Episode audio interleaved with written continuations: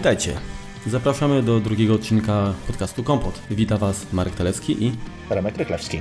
Dziś planujemy zabrać Was w świat, w którym będziemy działać na odległość. Także będziemy zdalnie się łączyć i wyjaśnimy Wam, na czym polegają różne rzeczy typu remote desktop i zdalny dostęp i, i z czym to się je. Dokładnie. Także no mamy jakieś tutaj y, doświadczenia, poza tym chyba każdy ma jakieś, powiedzmy, może nie że fantazję, bo to za dużo powiedziane, ale zawsze chciał mieć taką poczucie władzy, poczucie kontroli, a nic nie da takiej satysfakcji właśnie jak możliwość chociażby robienia psikusów zdalnych, y, komuś kto siedzi... Albo przejęcia czyjejś maszyny, tak? Tak, albo przejęcia czyjejś maszyny zdalnie, dlatego może po tym odcinku nie od razu będziecie mogli takie coś y, zrobić, ale przynajmniej zasiejemy ziarno ciekawości i zmotywujemy Was do poszperania i poszukania no, już takich dokładniejszych informacji. Dlatego, że nie będzie to typowy poradnik prowadzący ręka za rękę, natomiast postaramy się wyjaśnić i ostrzec Was y, przed ewentualnymi problemami, na które no, no, trzeba zwracać uwagę gdy zabiera się za taki temat. Zgadza się.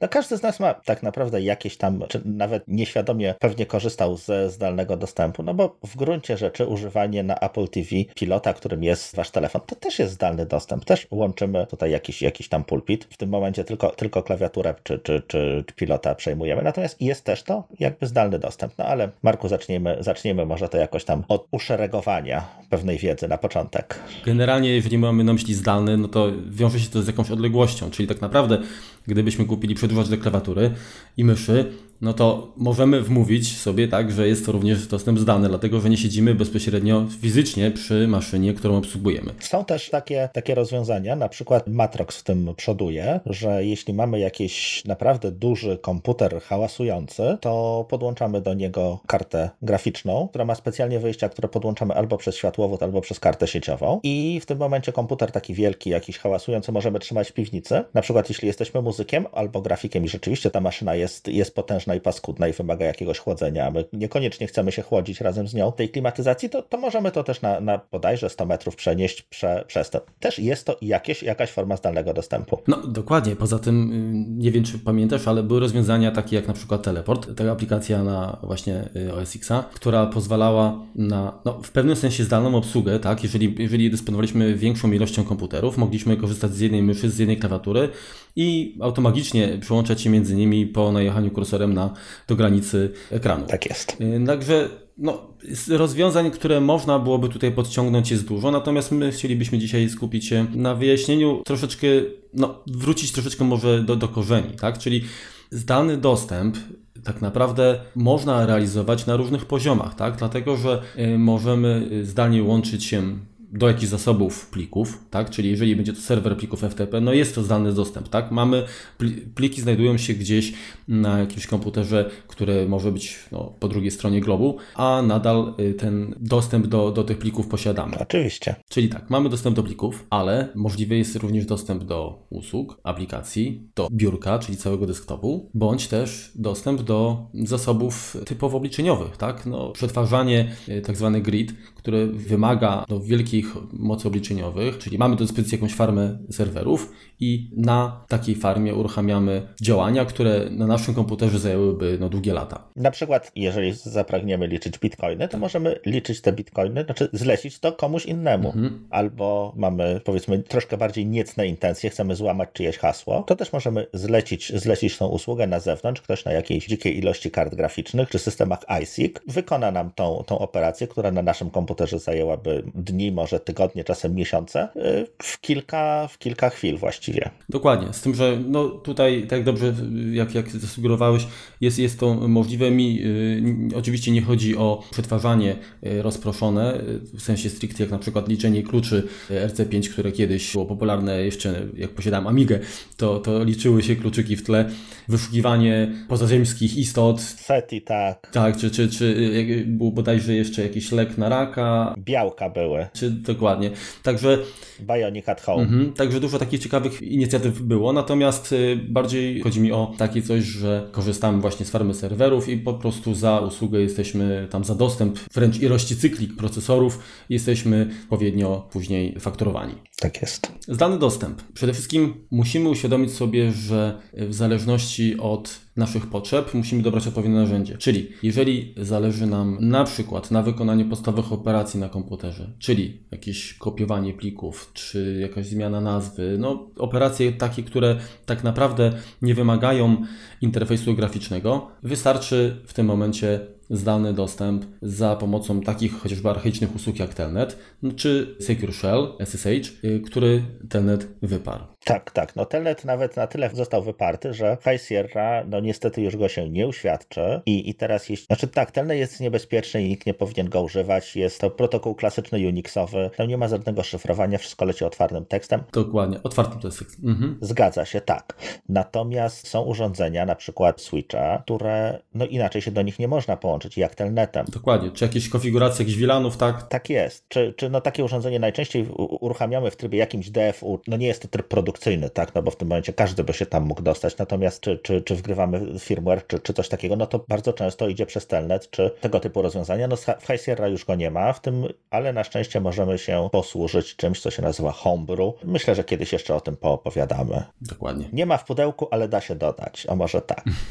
to już nie wtrącam ci się, możesz przechodzić dalej do, do bardziej cywilnego. Nie, ja myślę, że jeżeli chodzi o SSH, to, to, to jeszcze dodasz coś o ciebie, mhm. bo, bo myślę, że używasz tego dość często. Natomiast y, pomimo tego, że wspomniałem, że, to, że tutaj pracujemy zdalnie w trybie tekstowym, znakowym, to, to yy, istnieje możliwość na systemach, na których da się zainstalować taki podsystem X11, tak, uruchomić tak zwany X11 forwarding, który pozwala na też jakby uruchomienie zdalnego interfejsu graficznego. Korzystałeś może? Nie. Nie korzystałeś. No to wszystko przed nami.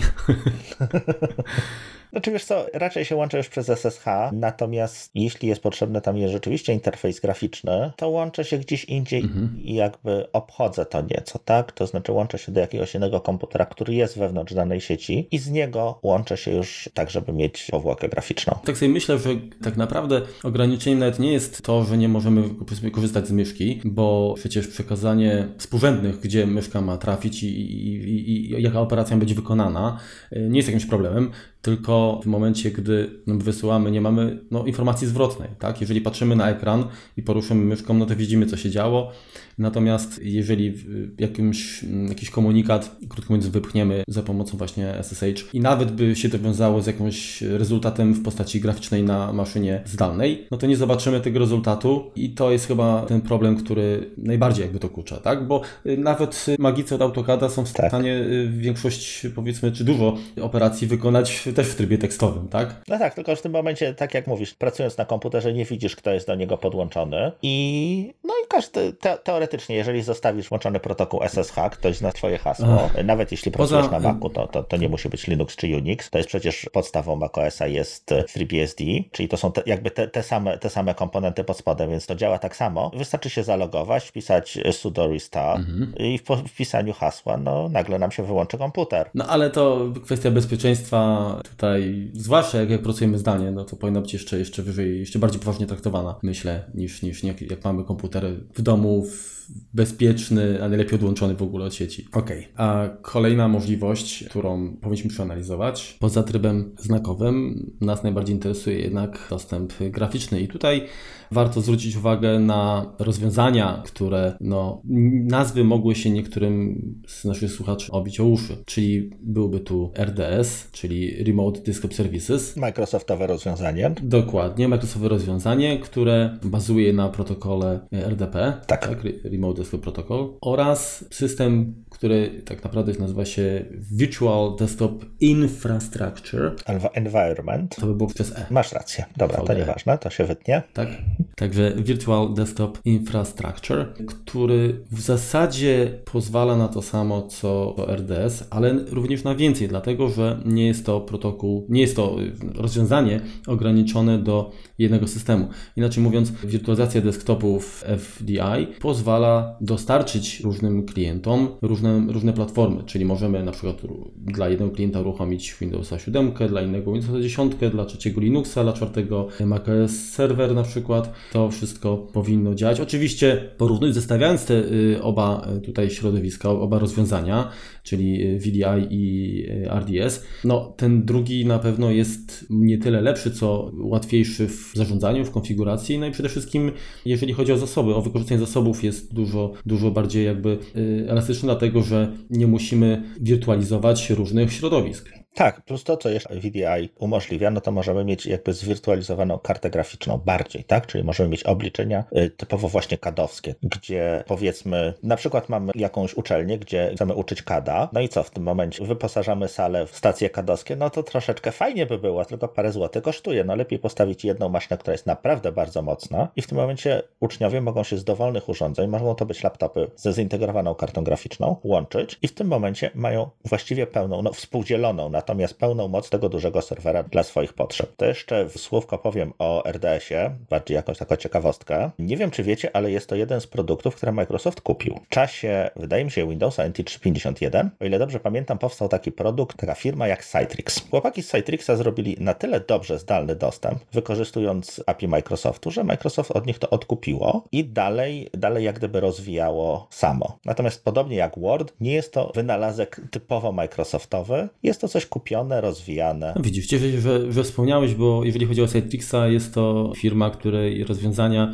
miałem dość bliską styczność, dlatego że pracując w firmie, którą wspomniałem w Zero Macinku, mhm. wdrażaliśmy takie rozwiązania właśnie oparte na, na Citrixie. Teraz to się nazywa Zen Desktop, czy Xen Desktop, natomiast wcześniej, nie pamiętam, czy to był Application Gateway, coś takiego. W każdym razie zabawna sprawa była taka, że Citrix y, rozwijał swój protokół ICA, Independent Computer Architecture i oprogramowanie y, było dostępne na, na, na multum platform. Można było zainstalować to praktycznie na Nokia chyba 30 czy 10. Żartuję teraz, ale, ale były na Symbiana y, na, na, na, praktycznie na każdą wręcz istniejącą platformę y, dostępne końcówki klienckie, czyli właściwie takie powiedzmy viewer, które powodowały, że komputer stawał się tak, tak zwanym cienkim klientem. Dla Maca instalka tego oprogramowania miała dość zabawną nazwę, bo było Max, tak, ICA, czyli sobie nabijaliśmy zawsze, że musimy zainstalować macicę, żeby, y, żeby szło pracować zdalnie na, na aplikacjach. Natomiast fajna sprawa była taka, że o ile najczęściej łącząc się powiedzmy zdalnie do Windowsa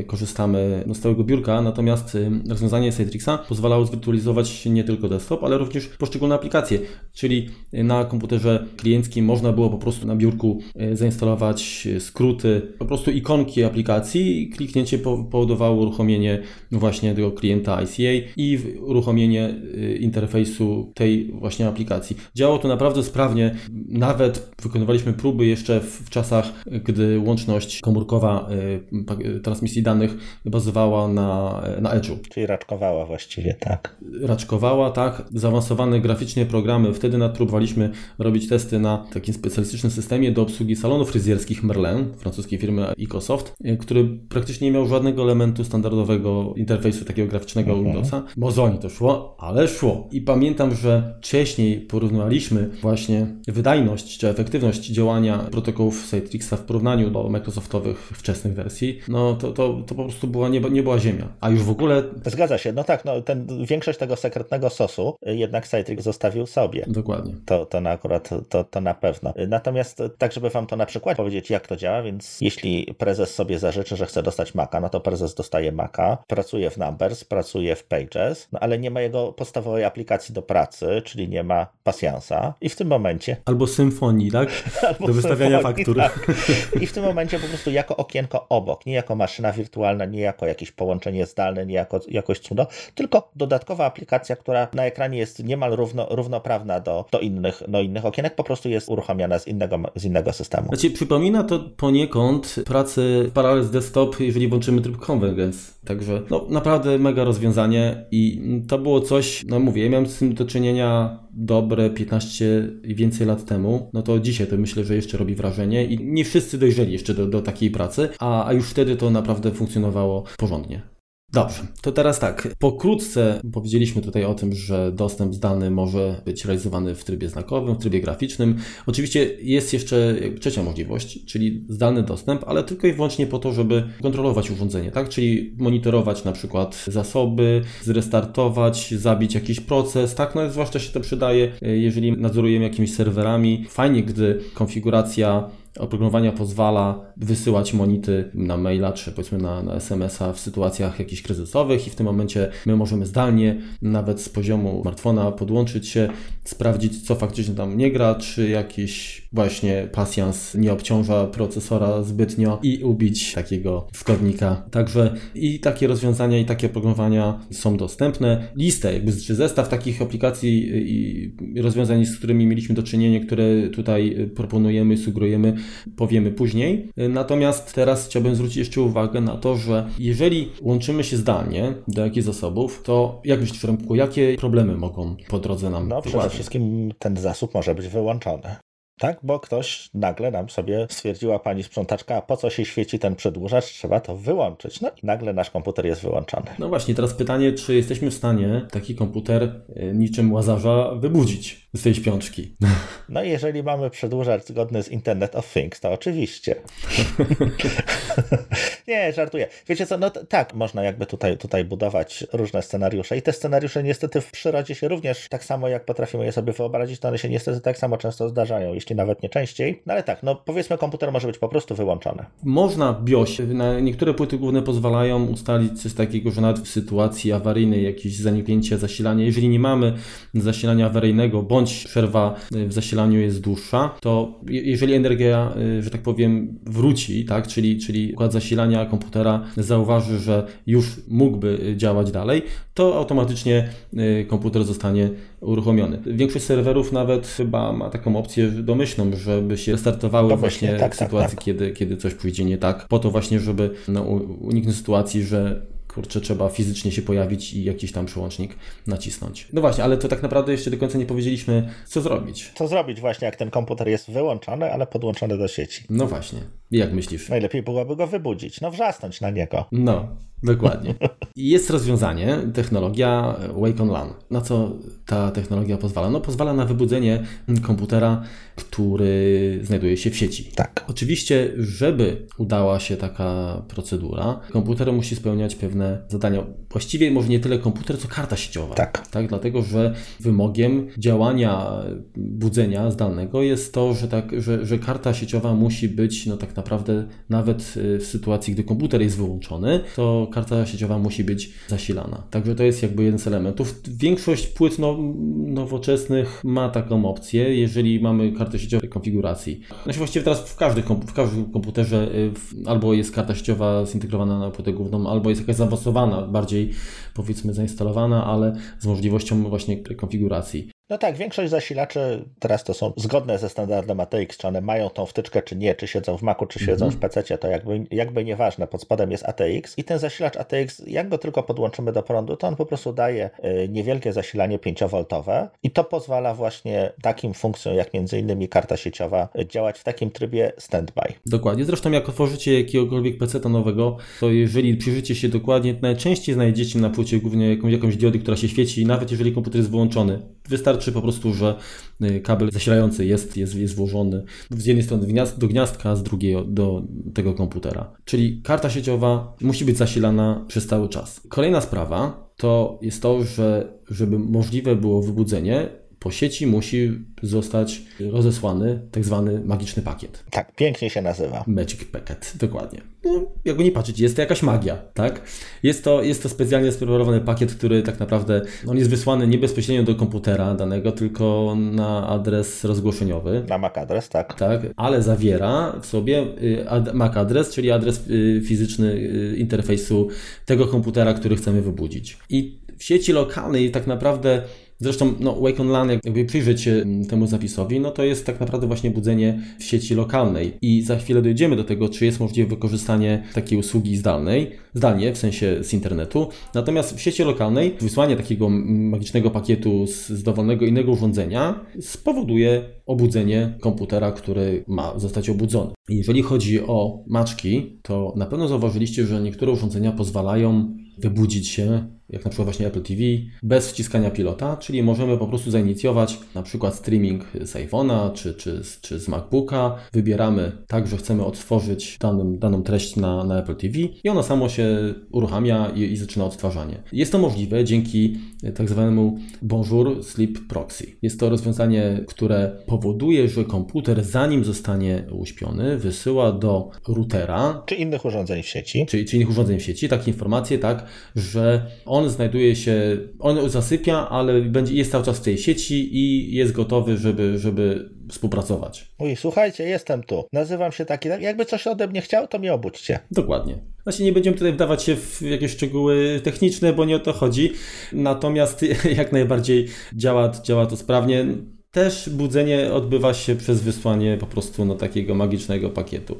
Czyli tak naprawdę yy, można powiedzieć, że Apple w pewnym sensie zaadoptowało usługę LAN. Oczywiście na troszeczkę. Polewając swoim sekretnym sasem. Dokładnie. No jednak Bonjour, tak, który, który bazuje na protokole ZeroConf, o ile dobrze pamiętam. Zagiałeś mnie? Nie pamiętam tego. Wiem, że on jest rozgłoszeniowy i, i, i generalnie nie, niezbyt konfigurowalny, nierutowalny i, i dla administratorów dość ciężki. Jest problem, jest problem, to tutaj po, pozwolę sobie troszeczkę odpłynąć od tematu, dlatego że swego czasu szukałem godnego mm, repeatera, tak? Dlatego, że mhm. mam mieszkanie takie piętrowe i mój główny router, czyli tam kapsul znajduje się na pięterku, natomiast na dole miałem sytuację taką, że były dziury, gdzie po prostu zasięg Wi-Fi był niewystarczający i postanowiłem taką sieć rozszerzyć. No oczywiście wiadomo, no, najpierw y, testujemy rozwiązania tanie, bo nie zawsze tanie znaczy złe, natomiast no, musimy się liczyć z jakimiś ograniczeniami. Niestety rozwiązania, wtedy o ile pamiętam, to jakiegoś tepelnika testowałem i NPlug to jest Air, AirLife bodajże firmy, niestety nie zdał egzaminu. To znaczy to wszystko ładnie działało, natomiast wydajność, y, stabilność przede wszystkim była no daleka od tego, czego ja oczekiwałem i co najważniejsze, nie działał AirPlay, który no też bazuje jak, jak Bonjour właśnie na, na tym takim, powiedzieć, auto wykrywaniu się urządzeń. Rozsyłane są tak zwane MDNS-y i tak dalej i to nie było wspierane w tych tanich rozwiązaniach, dlatego y, dopiero gdy zainwestowałem w y, ploskie rozwiązanie, czyli po prostu Airport Express, które no niestety było trzy razy droższe, czy nawet więcej, ale, ale wszystkie problemy... Ale działa. Wszystko, wszystko działa dokładnie i ja od, od, to już chyba będzie z szósty rok. I skonfigurowałem raz, zapomniałem, że to mam i po prostu działa i i za to kochamy Apple. Tak, tak, tak jest. A to jeszcze tak, jeżeli byście, byście mieli kiedyś ochotę posłuchać o, o sieciach coś głębiej, o modelu OSI, czy, czy pakietach, nagłówkach i tak dalej, to powiedzcie, myślę, że jesteśmy w stanie wam jakiś taki wstępny kurs sieciologii udzielić. Ładnie, jeżeli możemy nawet doszkoliwać z, z subnettingu i podobnych rzeczy. Także nie, ale to, to są naprawdę ciekawe, ciekawe tematy. Także jeżeli będzie tutaj zainteresowanie z Waszej strony, to wiecie, jak nas znaleźć, jak nam zwrócić na to uwagę. Ok, dobrze, czyli mówiliśmy o, o, tak, obudziliśmy komputer. No i tak naprawdę pozostaje już, jeżeli komputer jest, jest, jest w sieci aktywny, działający, no to uruchamiamy oprogramowanie odpowiednie i działamy. Natomiast jak wybudzić taki komputer, y, jeżeli nie, nie, nie, jesteśmy w domu, tak? Nie jesteśmy w, ten sam, w tej samej sieci, czyli z internetu. Jak myślisz? No tak, to jest problem. Tutaj jest problem, no bo tak, no bo jeżeli tak na zdrowy rozsądek, jeżeli ten magiczny pakiet y, mógłby biegać po internecie, no to wszystkie komputery byłyby zawsze włączone, no bo znalazłyby się na pewno setki, jak nie tysiące ludzi, którzy po prostu rozgłaszaliby takie pakiety ze wszystkimi możliwymi adresami i cała technologia no nie mogłaby działać. No coś tutaj, tutaj, tutaj wyraźnie to w ten sposób nie może działać, nie mogłoby działać, więc wypadałoby jakieś sprytne rozwiązanie. Czy myślisz, że coś się pojawiło? Wiesz co, nie wiem, czy się pojawiło. Znaczy się generalnie tak, roz, y, mm, jeżeli korzystamy z jakichś routerów, które pozwalają na wgranie y, oprogramowania standardowego, jakieś y, DDWRT i podobne, to niektóre pozwalają na, na taką magię, do której dojdziemy. Natomiast ja testowałem to na, na time capsulu trzeciej generacji i, i piątej, którą posiadam i niestety to nie działa. Inaczej, działa to, ale przez chwilę, dlatego że w momencie, kiedy zostaną wyczyszczone tak zwane tablice ARP, e, no to zabawa się kończy. Dlatego, dlaczego? Dlatego, że zdalnie, gdybyśmy chcieli wysłać taki magiczny pakiet, no to teoretycznie dałoby się zrobić po prostu przekierowanie na port konkretnego komputera, który chcemy obudzić. I, i wszystko fajnie, bo na, jeżeli przypiszemy ad, stały adres IP temu komputerowi, tak, i ustawimy porty, no to niby wszystko się zgadza, ale pakiet, żeby trafił do y, właściwego interfejsu, tak, musi też znać MAC adres. I teraz tak, ten MAC adres, on jest pamiętany. Ale tylko LAN. Jest w sieci, jeżeli komputer się, się zaloguje, ale tylko LAN i też jeżeli ten komputer y, zniknie, no to adres będzie pamiętany, ale tylko przez jakiś krótki czas. Myślę, że można byłoby jeszcze pokombinować tam z, z czasem, to, to nie jest dzierżawa, tak, ale, ale pytanie właśnie jak w takim routerze sprawić, żeby, żeby ta tablica y, ARP była powiedzmy długotrwała. No właśnie to oprogramowanie, które wspomniałem przy niektórych routerach pozwala na to, że, że możemy stworzyć jakby statyczne przypisania i, i w tym momencie y, jak komputer śpi, to i tak nie ma, nie ma, to, nie ma znaczenia, dlatego że my wiemy, tak, że komputer o takim adresie IP ma taki MAC adres i pakiet wie po prostu, które ucho czasnąć, żeby po prostu y, delikwenta obudzić. Także y, jakieś to obejście jest, natomiast nie, nie da się tego zrobić no, w, z dowolnym routerem. Tak. Znaczy no zawsze możemy mieć jakiś, jakąś inną maszynę zdalną, którą zostawiamy w sieci jak gdyby do, do zarządzania i z niej... Dokładnie, czy jakąś stację przesiadkową, tak. Tak, zawsze się trzeba, tutaj możemy, możemy przesiąść, no ale to jest jakby troszeczkę naokoło. No dobrze, to mamy teraz, wybudziliśmy. Ja mam jeszcze jedną wątpliwość. Skoro tak wystawiam się na dostęp z zewnątrz, jaką mam gwarancję, że tylko ja się będę tam łączył? Mhm. Eee, no właśnie. Problem bezpieczeństwa nam się pojawia. No tak. No dobrze, to powiem tak, jeżeli chodzi o dostęp do samego, do samych zasobów, no to tutaj wiadomo, że ze strony komputera e, no, zakładamy konta, możemy logować się loginem i, i hasłem do komputera, bądź stworzonym dodatkowo, w zależności od tego, jakiego rozwiązania, z jakiego rozwiązania korzystamy. Natomiast jeżeli chodzi o sam dostęp do sieci, to jak, jak ty byś to rozwiązał? E, to znaczy tak, no raczej bym nie wypuszczał nic na zewnątrz, tylko stworzył, e, są takie, takie rozwiązanie, nazywa się to port knocking, czyli po prostu pukasz do danego portu, czyli zupełnie, zupełnie abstrakcyjnie. Jeśli najpierw wysyłam jakiś pakiet z nagłówkiem obudź się na port, nie wiem, 157, to w tym momencie dla mojego adresu IP zostanie otwarty na przykład port odpowiedzialny za, za, SSH. W tym momencie już będę się mógł tam połączyć. Natomiast ten port nie będzie cały czas otwarty, tylko będzie otwarty w momencie, kiedy ktoś zapuka. Stąd nazwa port knocking. Znaczy to jest bardziej zaawansowane rozwiązanie. Y, pojawia się to najczęściej, najczęściej w jakichś y, routerach opartych na Linuxie, y, czy, czy, czy generalnie Linuxowych, Linuxowych sprzętach i w ten sposób sobie można poradzić. Co sobie, jak sobie można jeszcze inaczej poradzić? No bo najczęściej właśnie ten, ten port SSH jednak jest używany. On jest bezpieczny, to jest szyfrowany SSL-em i tak dalej.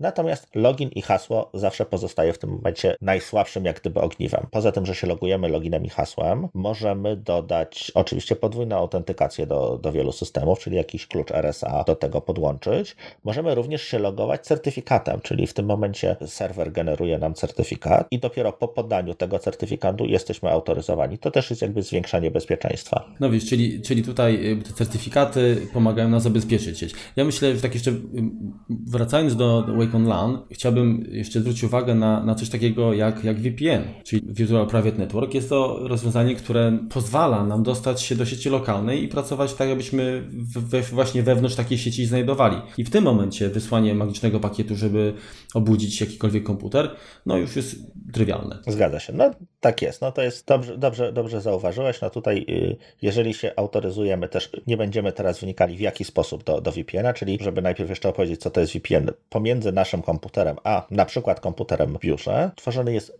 bezpieczny, szyfrowany tunel. Wirtualna, prywatna sieć. I przez ten tunel jakby pakowane są wszystkie informacje, które chcemy wysłać y, do komputerów w tej sieci. Czyli w tym momencie jest to dla nas przezroczyste, możemy się łączyć do lokalnych jak gdyby zasobów, będąc podłączeni na przykład w domu y, do, do swojej domowej sieci. Czyli nawet możemy wydrukować powiedzmy na drukarce, która stoi w, w naszym biurze, po prostu siedząc sobie w ciepełku domowym. Tak, podanie urlop, jutro jednak nie przyjdę. Tak.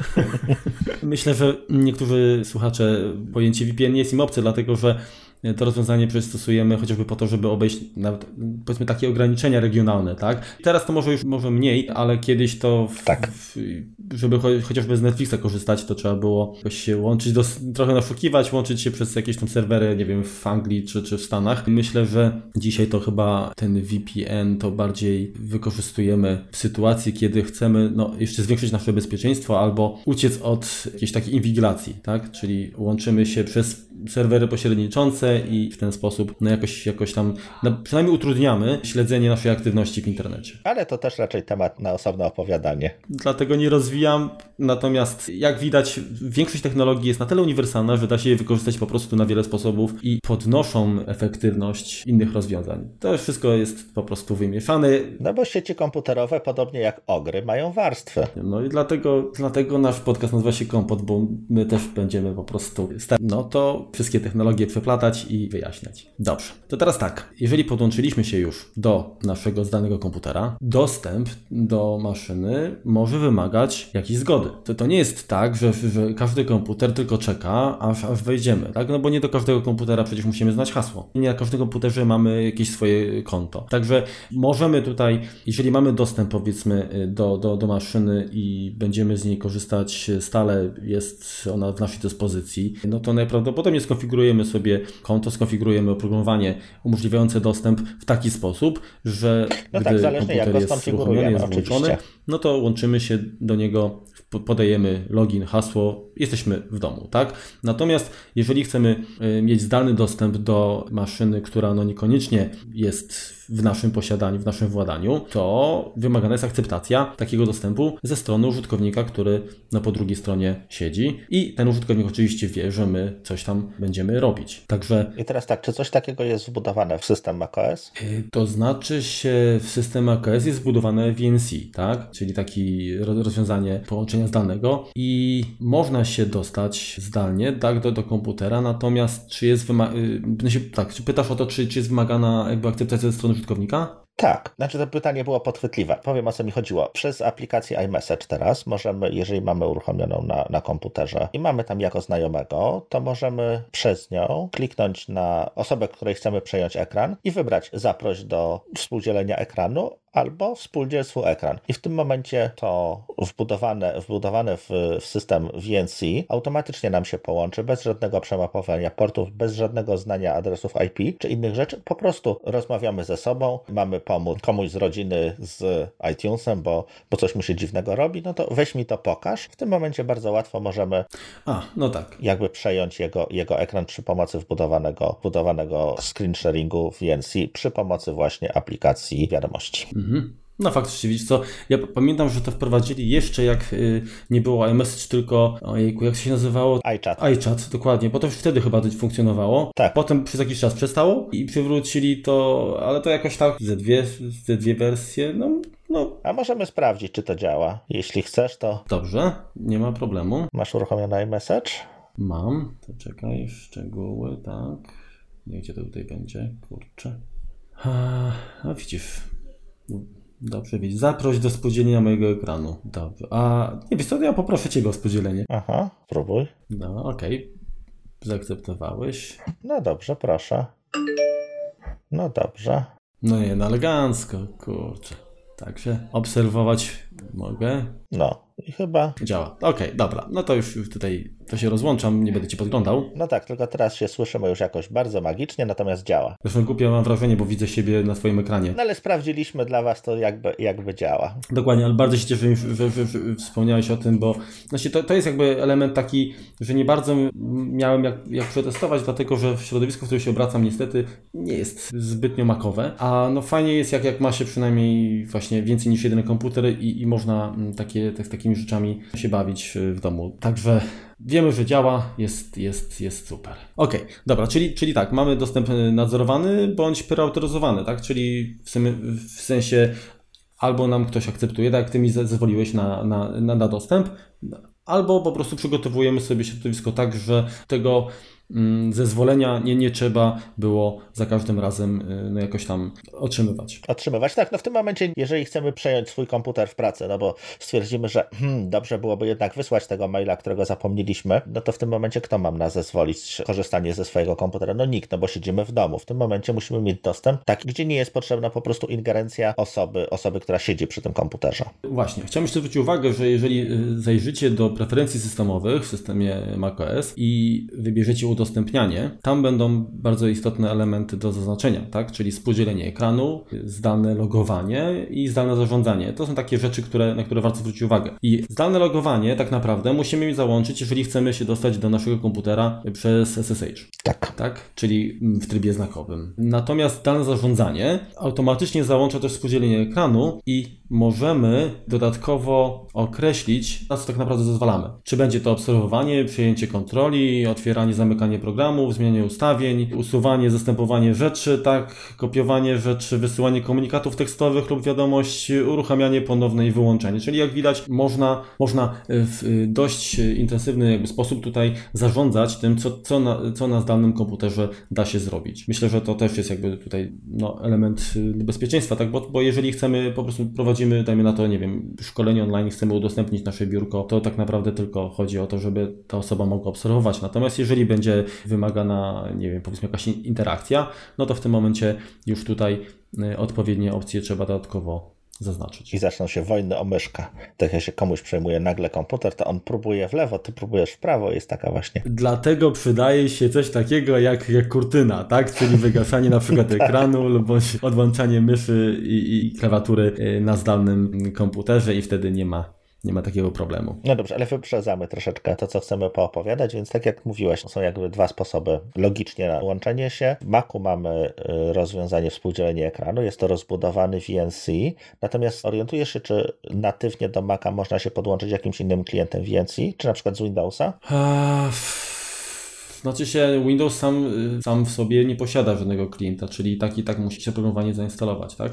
I wydaje mi się, że, że większość chyba klientów VNC sobie radzi z dostępem do Maca. To znaczy tak, można, można tylko tam z tego co pamiętam, musimy mieć odpowiednio ustawione różne jak gdyby kompresowa y, kompresowanie obrazu, różne sposób wysyłania danych. Yy, musimy mieć tam ustawione konkretne funkcje w tym, w tym naszym kliencie pod Windows. Na przykład ZRL musi być z tego co kojarzę ustawiony, albo RAW, jeżeli chodzi o jak to zrobić w opisie odcinka. Problemy z, te, z, tego, co też pamiętam, były z przesyłaniem schowka. To chyba musiało być wyłączone. Natomiast y, jeśli Was to interesuje, to postaramy się dodać informacje. Tak, jeszcze chciałem tutaj dodać, że jeżeli y, zależałoby nam tylko na pokazaniu y, naszego biurka, żeby tam, nie wiem, pochwalić się powiedzmy czymś albo pokazać komuś, nie wiem, cioci na przykład zdalnie, jak ma skonfigurować u siebie na komputerze coś, to fajne są rozwiązania takie jak ScreenLib albo JoinMe, które tak naprawdę pozwalają. Nie joint me. Nie joint. join me, e, które pozwalają przez przeglądarkę po wpisaniu, po wejściu na, na właśnie odpowiednią stronę i, i podaniu kodu na podłączenie się do no do tego, co jest jakby na naszym komputerze, aczkolwiek no, ta druga strona nie będzie mogła nic robić poza oglądaniem, także troszeczkę taki... No tacy, co lubią oglądać też są, więc na pewno się przyda. No właśnie, także taki ekshibicjonizm tutaj, y, jeżeli chodzi o, o, o biurko, tak? Nie no, śmiejemy się, natomiast czasem jest y, coś po prostu łatwiej, łatwiej po prostu pokazać niż, niż opowiadać, w jaki sposób sobie, sobie ma ktoś poradzić. No, obraz znaczy więcej niż tysiąc słów w ręku. Tak jest.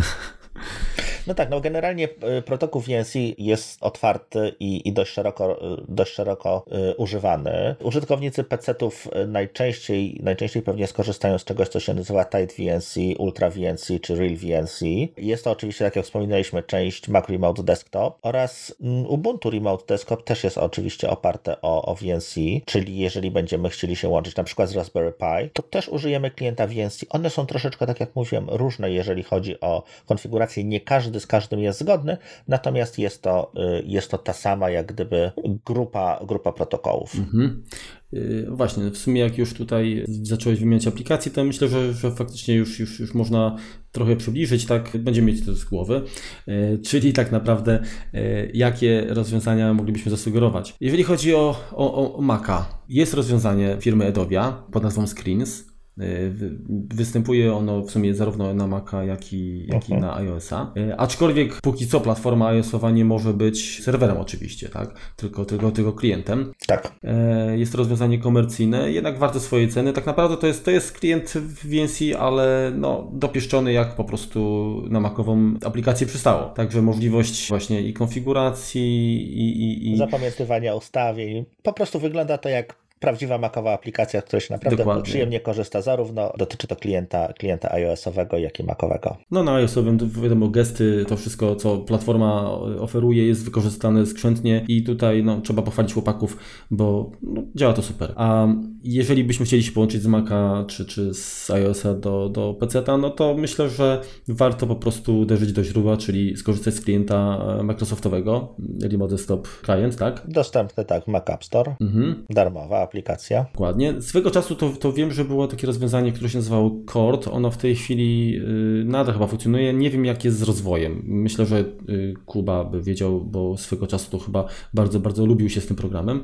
Yy, nie wiem, czy, czy, czy warto jest polecać nadal. Czy wiesz co, był jeszcze jakiś inny program, na pewno nie Cord, natomiast y, korzystałem z czegoś, natomiast w momencie, kiedy Microsoft wszedł ze swoją pobłogosławioną aplikacją, to tutaj używanie zamienników no nie ma zbytnio sensu, no skoro jest coś, coś co działa i jak na Microsoft działa działa całkiem dobrze, to, to można z tego jak najbardziej korzystać. Myślę, że jednym z ciekawszych rozwiązań, jeżeli nie najciekawszych na, na, na, na, dziś, tak nie powiem na dzień dzisiejszy, bo to dla nas, jest TeamViewer. Chyba nazwa znana naprawdę, bo i to za, zasłużenie, dlatego że tak. po pierwsze to rozwiązanie występuje w wersji darmowej i płatnej i tak naprawdę wersja darmowa nie ma ograniczeń jakichś specjalnych. Myślę, że... Poza częstotliwością używania, niestety użytkownicy, którzy złapią się rzeczywiście na, na tego TeamViewera i zaczną z niego korzystać, korzystać dość często, to on potem przestaje działać. Niestety, jeżeli, jeśli mhm. no, no każdy chce w jakiś tam sposób monetyzować no. swoje, swoje programy, każdy deweloper chciałby zarabiać, no tutaj czasem, y, jeśli już się przekonacie, że, że jest to naprawdę fajna aplikacja, no to się po, może pojawić,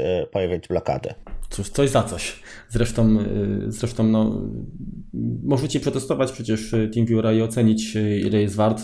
Moim zdaniem naprawdę jest, jest tak jest. Jest, jest spoko. A ma jeszcze ten zaletę, że w przypadku Screens możemy łączyć się do, do Maca i do PC, w przypadku TeamViewera również, ale w przypadku Screens nie podłączymy się do serwera Screens z PC, tak? Także tu jest jakby problem, że y, możemy z y, iPhone'a, iPada i z innego Maca łączyć się do Maca lub PC, ale z PC już się nie podłączymy do, do Maca, który, na którym jest zainstalowany y, właśnie rozwiązanie screens do małych tak. urządzeń. No i dodatkowo TeamViewer w ostatniej wersji umożliwia również łączenie się. Umożliwiło to y, API, tak? Udostępnione przez tak. Apple w iOS 11, z tego co kojarzę. Tak. Tak, tak, tak, dokładnie. Bo y, jeśli chodzi o zarządzanie, połączenie się z Androidem, było to wcześniej, chyba jedną czy dwie wersje wcześniej. Natomiast teraz już można się łączyć z, z iOS-em. Y, przyznam się szczerze, nie sprawdzałem. Ja też nie i powiem Ci tak, jestem ciekaw wygeneralnie, jak to działa. Gdzieś mi tam przeleciało przed oczami, że to tak też jest troszeczkę tak, tak po partyzantku, przynajmniej na, na, na, na etapie y, obecnym rozwiązane. Natomiast z tego co wiem, bo gdzieś tam też to wyczytałem na jakichś zagranicznych portalach, że Apple jak najbardziej posiada możliwość zdalnego łączenia się do, y, do urządzeń z iOS-em i często właśnie tam, nie wiem, magicy z Genius Baru po prostu, jeżeli muszą zdalnie zareagować, y, to, to nawet nie wiem, czy muszą o coś prosić, czy po prostu y, pojawia się tylko jakiś monit na, na, na ekranie i tylko dzięki temu użytkownik wie. Jest potrzebna akceptacja użytkownika. Jest potrzebna, no. no tak. No to, czyli jednak stanęli na wysokości zadania, bo Microsoft by się nie pytał. Tak, od razu kasował. A Google też nie. Google się nie pyta, cały czas to robi pewnie.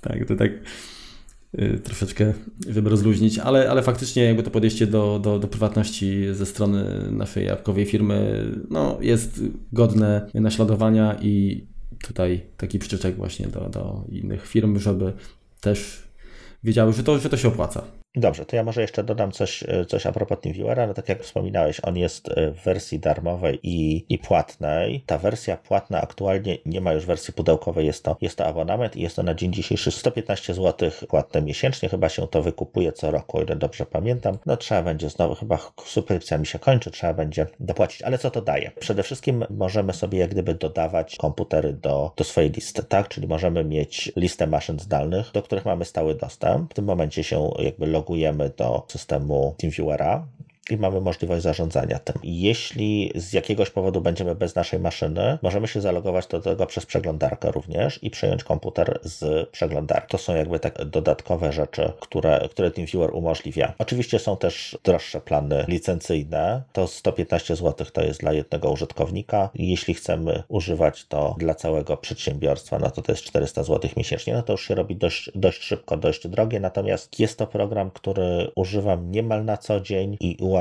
mi jak gdyby pracę. Mam w środowisku, gdzie, gdzie mam dość dużo komputerów, natomiast tam nie ma danych, które byłyby poufne. Specjalnie mam to po prostu uruchomione, tą wersję y, umożliwiającą przejęcie zdalne na, na wszystkich maszynach. To po prostu chodzi w tle i mogę tym, tym środowiskiem po prostu zarządzać. Tak jak mówiłem, no ono nie, nie wymaga specjalnego bezpieczeństwa, więc mogę nim zarządzać zdalnie. Ono jest troszeczkę rozproszone, więc tutaj samo, samo przejście do tych, do tych komputerów, żeby nie wiem, zrobić jakiś trywialny Windows Update było, byłoby problematyczne natomiast tutaj mogę je przejąć. Y, co więcej, TeamViewer od chyba wersji 9 mm, czy 10 umożliwia skonfigurowanie Wake LAN właśnie. Działa to dość pokracznie, natomiast daje się to skonfigurować. Trzeba troszeczkę potworzyć jakiś reguł na, na firewallu, żeby żeby to wpuścić zdalnie, natomiast można też posłużyć się, tak jak, tak jak rozmawialiśmy z Markiem, maszyną jedną, czy jakimś troszeczkę bardziej y, zaawansowanym routerem, na przykład y, opartym o PFSense do, do wybudzenia tych maszyn. Okej, okay, co dalej? Jeżeli chodzi o właśnie platformę mm, iOS-ową, to poleciłbym ze swojej strony też znaczy, wiem, że tutaj pewnie mi zwrócisz uwagę na coś, ale jest takie rozwiązanie, jak się nazywa Splashtop. I ja korzystałem z tego, działa to naprawdę fajnie, zwłaszcza w sieci y, lokalnej i nawet w sieci lokalnej można powiedzieć, że jest darmowe. Co prawda, apka na iOS-a jakieś tam pieniążki kosztuje, ale no nie jest, nie jest to duży wydatek. I o dziwo działa to bardzo dobrze pod względem wydajności, łącznie z tym, że przekierowywany na, na tablet, tak, jest y, również dźwięk, czyli można nawet od biedy pograć y, sobie w, jaką, w jakąś grę. Jeżeli chodzi o VNC, to cały protokół, no niestety chyba jego jedyną taką największą wadą jest to, że jest ograniczony tak naprawdę do, do obrazu i do kontroli, tak? Bo dźwięk, z tego co wiem, nie jest przesyłany. tak, nie, wydaje mi się, że nie. Nie, nie, nie, nie. Masz rację, to jest y, natywnie w klientach VNC dźwięk nie jest przesyłany. Pewnie są jakieś rozwiązania dodatkowe, które to umożliwiają, ale masz rację. Także, także to no, fajna sprawa. Yy, oni troszeczkę zmienili swój model biznesowy, bo swego czasu można było mm, w aplikacji skonfigurować dostęp z zewnątrz. W tej chwili to jest tak, że no, trzeba tam jakieś pieniążki, to jest jakiś wydatek tam roczny rzędu 17 chyba dolarów, także to nie, jest, nie jest jakieś duże pieniążki, ale, ale no, dodatkowa inwestycja po to, żeby mm, móc y, również y, poza siecią lokalną y, do swojego komputera się dostać. Natomiast tak, tak, jak muszę, muszę Ci tutaj przerwać. Właśnie.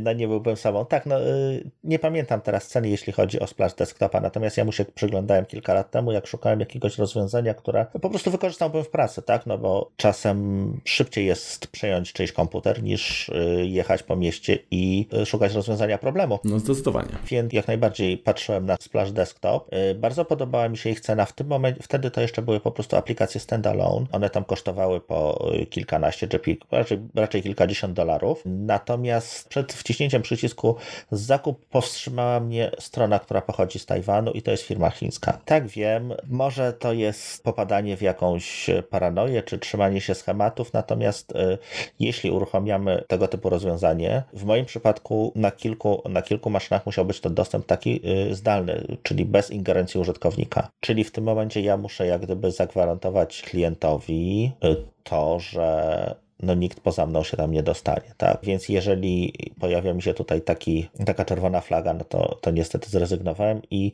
i zdecydowałem się zakupić TeamViewera, który był co najmniej dwudziestokrotnie droższy. Ale, Ale TeamViewer jest niemiecki i tutaj jakby mam gdyby większe zaufanie, tak? No, zdarzały się jakieś tam problemy, w każdej sieci się zdarzają, zdarzają problemy. Ci, ludzie się dzieją na tych, którzy mieli już włamanie i ci, którzy będą mieli włamanie. Y, natomiast y, jeśli chodzi o zaufanie, myślę, że myślę, że TeamViewer Jest wyborem bezpieczniejszym. Mhm. No, myślę, że yy, tak jak mówisz, do domu to można troszeczkę, powiedzmy, to ryzyko podjąć, natomiast w przypadku rozwiązań takich, gdzie jednak jakieś dane wrażliwe są w firmach i tak dalej, no to jednak y, rzeczywiście na taki chiński produkt troszkę... No taka mała czerwona flaga przynajmniej się powinna pojawić chyba lepiej faktycznie zapłacić za spokój duszy, tak? Spokój sumienia, że, że jednak to jest rozwiązanie y, no, bardziej takie, powiedzmy, godne zaufania. O właśnie, przypomniało mi się, że swego czasu bardzo intensywnie korzystałem w przypadku y, łączenia się zdalnie zarówno z y, iPhone'a, jak i z komputera. Wykorzystywałem rozwiązanie, które się nazywało LogMeIn. To naprawdę świetne y, rozwiązanie, które, które pozwala właśnie na, na, na zdalny dostęp. Mhm. No właśnie chcę Ci powiedzieć, że y, do pewnego y, stopnia to było tak, że działało jako, jako wersja darmowa. Ale to było LogMeIn In czy LogMeIn In Ignition? Jako LogMeIn Free i, i, później no oczywiście można było przejść na, na, na wersję LogMeIn Pro, mhm. a LogMeIn Ignition to był po prostu klient na iOS-a, tak się, tak się nazywał. Mhm. W tej chwili jest tak, że, że w ogóle to rozwiązanie już, już przestało być darmowe, jest tylko i wyłącznie komercyjne. Natomiast plus jest taki, ja oczywiście LogMeIn Ignition apkę na iOS-a kupiłem, ona była bardzo droga, bo to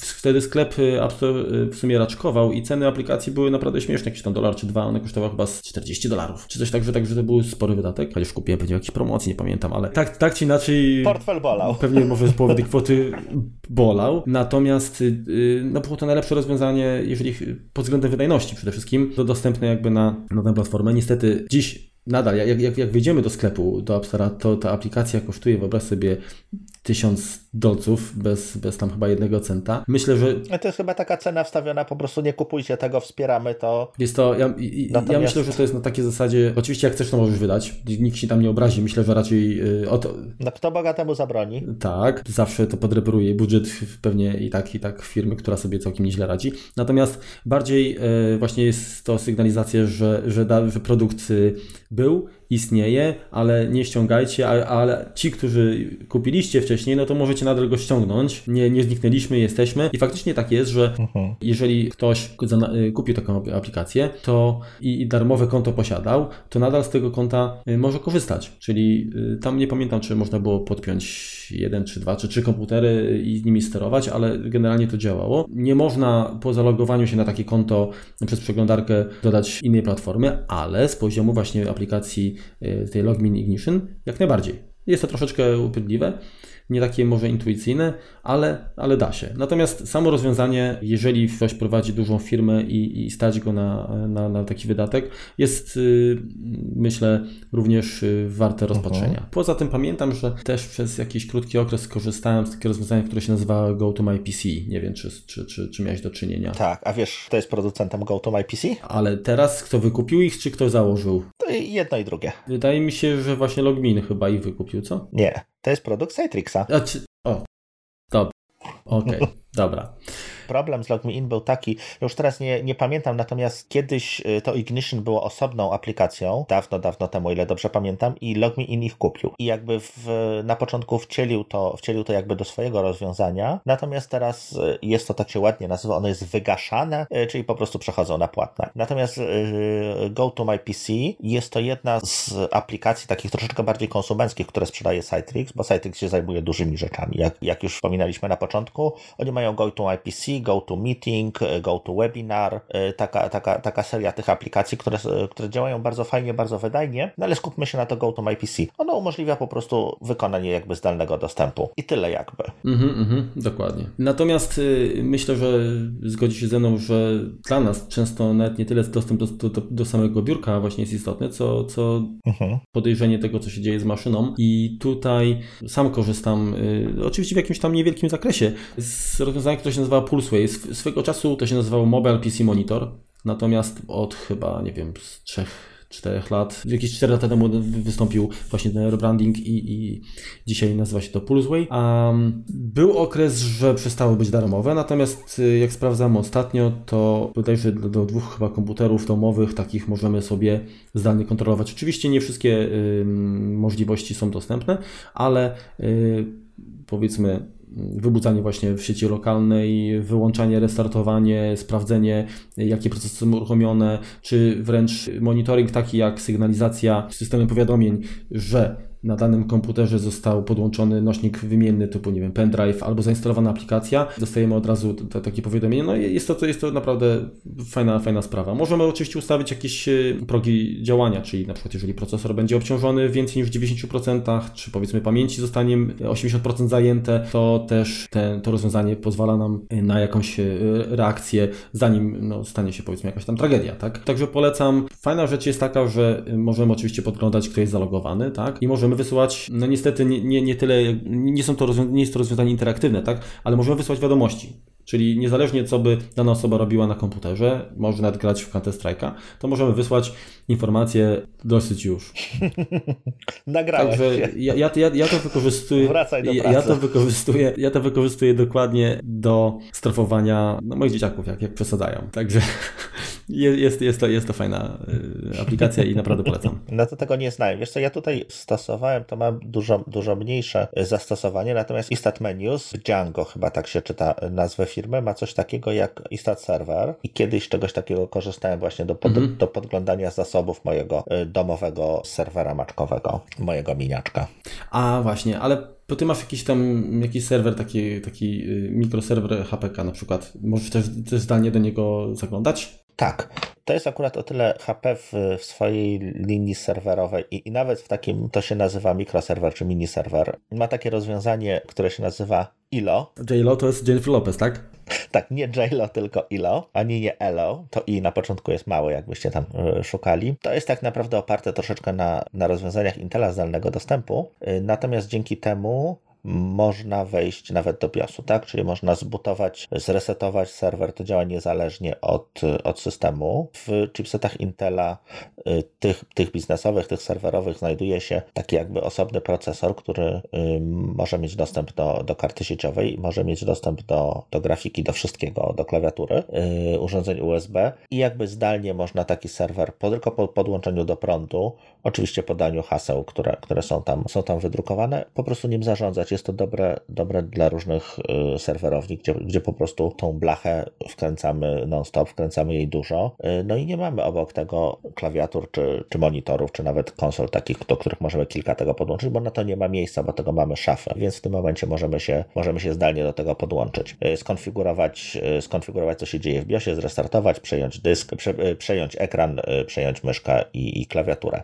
To działa, to działa bardzo przyjemnie. Ja akurat znam, znam, tak jak mówię, rozwiązanie HP, natomiast natomiast inni producenci też mają to jakby po, po swojemu nazwane, no bo jest to jakby wbudowane w te poważniejsze, w poważniejsze rozwiązania Intela. Również można się do tego łączyć z klienta iOS-owego, czyli nawet nie musimy mieć, nie musimy mieć komputera, natomiast no musimy być oczywiście w tej samej sieci, no bo działa to lokalnie. Jak już jesteśmy przy iOSie, to ja może troszeczkę o nim po, poopowiadam, bo no modna jest i, i bardzo często ostatnio nawet wygodna praca e, iPad Only, natomiast bardzo często y, przy tym iPad Only gdzieś, y, gdzieś musi się jednak pojawić komputer i w tym momencie bardzo wygodnie jest mieć po prostu zdalny dostęp z niego. No bo jednak mimo, że iOS 11 bardzo dużo wnosi usprawnień, no to nie wszystko tam się da zrobić. Czasem trzeba tego, tego Maca czy tego PC jak gdyby dotknąć bezpośrednio i przydają się do tego różne aplikacje ułatwiające, umożliwiające dostęp zdalny. Y, jakby podstawową jest aplikacja dla mnie Prompt znanej firmy Panic. Jest to po prostu klient SSH,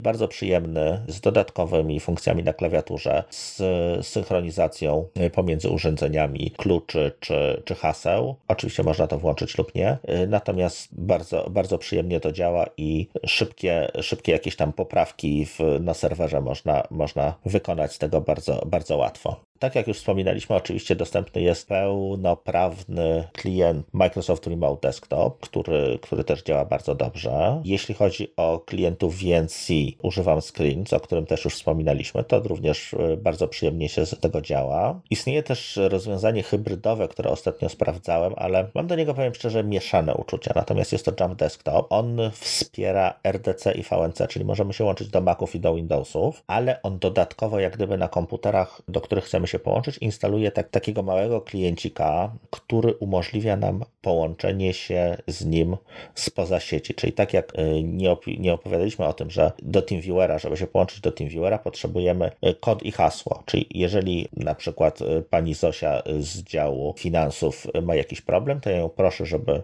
uruchomiła aplikację TeamViewer i podała mi identyfikator i hasło. W momencie, kiedy ona mi to poda, ja jestem w stanie przejąć jej komputer. Tak długo, dopóki, jak długo ma uruchomionego tego TeamViewera. To jest taki dostęp z autoryzacją, tak? Czyli ona musi go uruchomić, musi mi podać, ja muszę to wpisać i wtedy to działa. Natomiast Jump Desktop instaluje takiego, y, takiego agenta, może nawet nie aplikację czy klienta, tego agenta, który, który zawsze siedzi w tle i ja zawsze mam dostęp do tych, do tych maszyn. Y, nie wiem, jak jest z tego bezpieczeństwem, dlatego, dlatego tego, tego no nie mogę polecić. Właśnie, y, jak mówisz, wspomniałeś agenta, to myślę, że warto też dodać, że większość rozwiązań, które no jakby muszą umożliwić nam dostęp do, mm, do komputera, nawet kiedy no, nie jesteśmy tam zalogowani. W sensie mm, no, nie jest. Y, tak byśmy chcieli do, dostać się do komputera na świeżo po tym, jak został uruchomiony, tak? To też, to też y, taki, tak. taki agent, który jakby umożliwia jakby podłączenie się do ekranu logowania, y, no musi działać cały czas w tle. Także to też warto zwrócić na to uwagę, że nie, nie każde rozwiązanie takie coś oferuje. Yy, natomiast no, większość generalnie tak, yy, czyli na przykład, nie wiem, chociażby Pulseway nie, nie wymaga, nie, właśnie Pulseway wymaga tego, że, że musimy się zalogować, ale na przykład login, z tego co pamiętam, nie potrzebował tego. TeamViewer potrzebuje? TeamViewer potrzebuje lub nie. To znaczy, TeamViewer możemy zainstalować taką aplikację, czy tak naprawdę ma trzy aplikacje, czy na, czy na Maca, czy, czy na PC. Pierwszy jest to klient, który umożliwia zarówno przejęcie komputera, jak i udostępnienie swoich zasobów, czyli to jest taki dział w dwie strony. Drugim jest taki Quick Support. On umożliwia tylko i wyłącznie udostępnienie swoich zasobów komuś, kto ci, kto ci pomoże, stąd nazwa i szybki support. I trzecim jest opcja TeamViewer Host for Unattended Access, czyli do niekontrolowanego dostępu. No i to możemy sobie zainstalować. Na przykład ja mam to zainstalowane na, na moim Macu Mini, który zazwyczaj działa headless, czyli bez, bez e, monitora, bez klawiatury i mogę go, mogę go zdalnie nie z każdego miejsca, gdzie mam dostęp do internetu, e, przejąć. No właśnie, tutaj też y, i wchodzimy właśnie w głębiej szczegółów, to się okazuje, że jednak ile tych możliwości jakby i opcji jeszcze y, można tutaj obsłużyć, bo łącząc się zdalnie do komputera, pracujemy na, powiedzmy na, na jakiejś aplikacji, która jest uruchomiona zdalnie na takim sprzęcie, ale może być zaś potrzeba na przykład przesyłania plików między oboma komputerami, tak, czyli klientem a serwerem, albo na przykład y, pracujemy na, na, zdalnie na komputerze, który jest w naszym biurze, a chcemy wydrukować coś na naszej drukarce, która jest lokalnie podpięta. I też trzeba właśnie zwrócić uwagę, że y, nie każdy rozwiązanie pozwala na taką elastyczną y, komunikację y, między y, właśnie serwerem i klientem. Mam rację?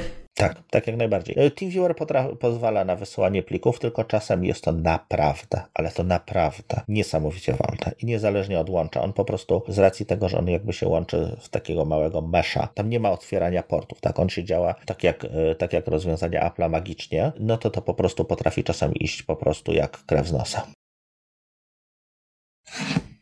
No właśnie, tutaj zapomniałem wspomnieć o rozwiązaniu Apple'owskim, czyli Apple Remote Desktop, które tak naprawdę y, no jest y, rozbudowanym mm, klientem, tym rozbudowaną wersją tego klienta wbudowanego i y, pozwala na dużo więcej, czyli na przykład kopiowanie przez schowek danych, tak? czy, czy, czy jakieś inne tam rzeczy. No niestety jest to rozwiązanie komercyjne, które tam bodajże tak. około 80 no dolarów kosztuje. Do e, także Natomiast Dokładnie. jeżeli wspieramy, y, wspieramy dużą ilość maków, y, jest to jak najbardziej warte, warte kupienia. Okej, okay. a właśnie, jeszcze jedna rzecz, kurczę, przyszła mi. To powiedz mi, y, mm, czy ty korzystasz z aplikacji Parallels Desktop? Mhm. No właśnie, to teraz pytanie takie, czy załóżmy, że gdybyś miał na swoim komputerze, niech to będzie powiedzmy ten Mac Mini, wypasiony, także taki Mac Pro Mini e, i masz na nim maszyny wirtualne, mhm. a to z Windowsem takim, a to z takim, a z jakimś Linuxem i teraz chciałbyś się dostać zdalnie konkretnie do maszyny wirtualnej. Czy masz taką możliwość? To znaczy tak, istnieje możliwość zainstalowania czegoś, co się nazywa Parallels Access, e, jeśli chcemy mieć do niej dostęp z iPada. Co to daje? Parallels Access to jest takie, to jest takie VNC właściwie, czyli też pulpit, pulpit zdalny, przy czym on jest taki troszeczkę dostosowany do, do możliwości iPada. To znaczy tam, jest, tam są dodatkowe menu, jeśli chodzi o uruchomienie aplikacji,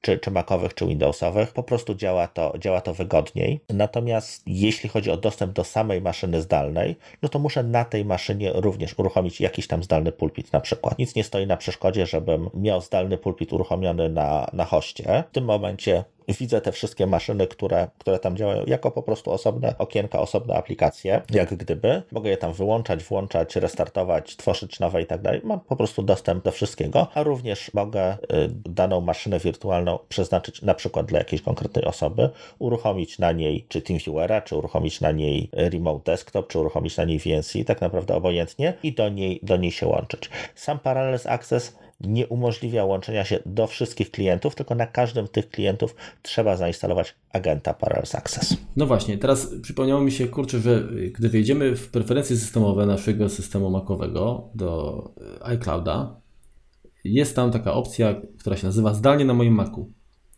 I no to jest nasz wbudowany dostęp, tak, który pozwala z innego Maca, niestety z PC-ta chyba się nie da, możemy z innego Maca połączyć się do Maca, który znajduje się w domu. Yy, oba muszą niestety być zalogowane do tego samego konta iCloud. Uh-huh. I prawdopodobnie bazuje to na, na tym wbudowanym VNC i, i wszystkich usługach, natomiast no, jest to na, na zasadzie konfiguracja dwa kliki i, i po prostu mamy, mamy temat y, załatwiony. Mm, być może jakieś problemy na mm, jakichś y, dość mm, mocno ograniczonych routerach mogą się pojawić, ale y, to gdzieś tam na, na stronach Apple'owskich można znaleźć y, takie...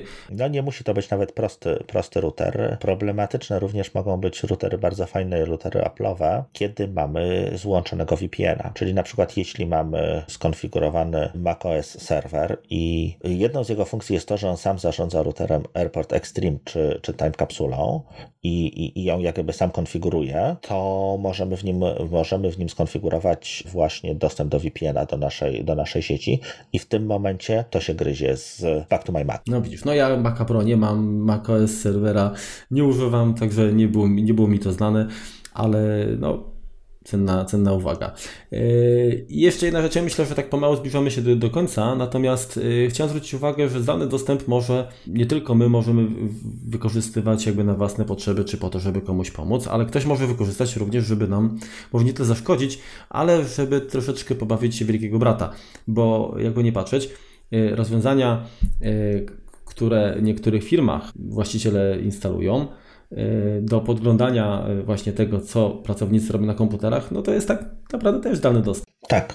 Ja w domu y, korzystam z rozwiązania, które się nazywa WatchOver i, i, i pozwala właśnie mi na, na to, żeby z poziomu na przykład aplikacji właśnie na iPhone'ie czy na iPadzie podejrzeć, co na Macu bądź na, na PC robi któryś z domowników. Nie jest to oczywiście mm, podgląd interaktywny w tym, w tym sensie, że ja nie mogę przejąć y, klawiatury i myszy. Y, I oczywiście odświeżanie nie jest natychmiastowe, dlatego że tam są po prostu robione zrzuty ekranu y, w jakichś interwałach. Po to chociażby, żeby, żeby zapisywać historię, tak? Żebym ja mógł sobie przejrzeć na przykład co dwie godziny temu, uh-huh. kto robił, czy kurczę jak, jakie strony na przykład odwiedził i tak dalej. Albo jakie aplikacje były uruchomione, jakie było zużycie w danym czasie. Także no, fajna sprawa, ale to jest jak zwykle miecz obosieczny. Także jeżeli wdrażamy jakieś rozwiązanie z danego dostępu, to pamiętajmy, że to jest coś, nad, nad czym musimy zachować tę kontrolę, bo jeżeli nam się wymknie yy, takie rozwiązanie spod kontroli, no to, to może okazać się troszkę więcej szkody niż pożytku. Więcej szkody niż pożytku, dokładnie. No dobrze, bardzo Wam dziękujemy za to, że, że wysłuchaliście drugi pełnoprawny odcinek podcastu Kompot. Bardzo Wam również dziękujemy za no, niesamowicie ciepłe przyjęcie, które, które nam zgotowaliście na Twitterze i, i iTunesie. No co, no brak, brak nam słów, no. No, no mi, mi brak słów, zresztą ja cały czas jestem zestresowany, trema mnie zżera i w ogóle mm, obiecuję, że w kolejnych programach będzie mniejszy chaos, choć z drugiej strony odrobina takiego no powiedzmy podejścia improwizowanego ma też swoje jakieś tam zalety, bo przecież nie chodzi o to, żebyśmy tutaj odegrali wyreżyserowany spektakl, tylko żebyśmy... Tak, nie czytamy z kartki. Jakieś y, dodatkowe informacje, które, o których byśmy nawet nie pomyśleli, także no, wszystko ma swoje zalety. Zgadza się. Będziemy starali się wydawać podcast raz w tygodniu. Zobaczymy, jak nam to wyjdzie. No niestety praca jest pracą i może nie być tak różowo, jak na razie planujemy, natomiast jak na razie plan jest taki, żebyśmy wyrywali raz w tygodniu i raczej będziemy się trzymali wtorków chyba. Mhm. Czyli ten odcinek pewnie usłyszycie we wtorek w swoich słuchawkach, chyba że coś się zawali. No i co, jeszcze raz dziękujemy y, za uwagę. Dziękuję jak najbardziej. Nim zakończymy, może jeszcze zdradzimy, jakie mamy plany na kolejny odcinek. No właśnie, czyli w następnym podcaście y, będziemy was naciągać. Tak, na będziemy wydatki. naciągać. ale, ale wszystko pod kontrolą. Wydatki do określonej kwoty. Postanowiliśmy poszukać i wybrać niedrogich aplikacji, których używamy na, na macOSie. Takich ułatwiających pracę, takich drobiazgów, które po prostu instalujemy, które, które nam pomagają. To nie są duże aplikacje, to nie są, nie są kombajny, to są tanie rzeczy, które nam pozwalają, pomagają po prostu w pracy, więc wybierzemy ich y, kilkanaście, myślę, wspólnie i, i opowiemy trochę o nich. Tak, nie będą to rozwiązania, które kupujemy za co łaska, ale naprawdę wybierzemy te, które warto kupić, a które nie nadwróżą y, waszego budżetu. Sprawdziliśmy to sami. Tak, dobrze. No, pozostaje nam pożegnać się, czyli dziękujemy za wysłuchanie drugiego odcinka y, naszego, naszego podcastu. Zauważyliśmy, że pojawiły się pierwsze y, i zresztą bardzo przychylne, za co naprawdę dziękujemy komentarze w iTunes, no prosimy o jeszcze. Jakby, no, tak, już raz, jest to... raz dostaliśmy, to teraz. Tak, to już się wkopaliście. Ale nie, prawda jest taka, że to strasznie motywuje. Nie dość, że nagrywanie sprawia nam frajdę, chociaż jest to jakiś tam, y, no też powiedzmy wysiłek, to no, jesteście wielcy i, i, i za to, że nas słuchacie, że nas tak lubicie, my was też lubimy i będziemy dla was nagrywać. No, dziękujemy. Do usłyszenia. Do usłyszenia, trzymajcie się, na razie. Hej. Hej.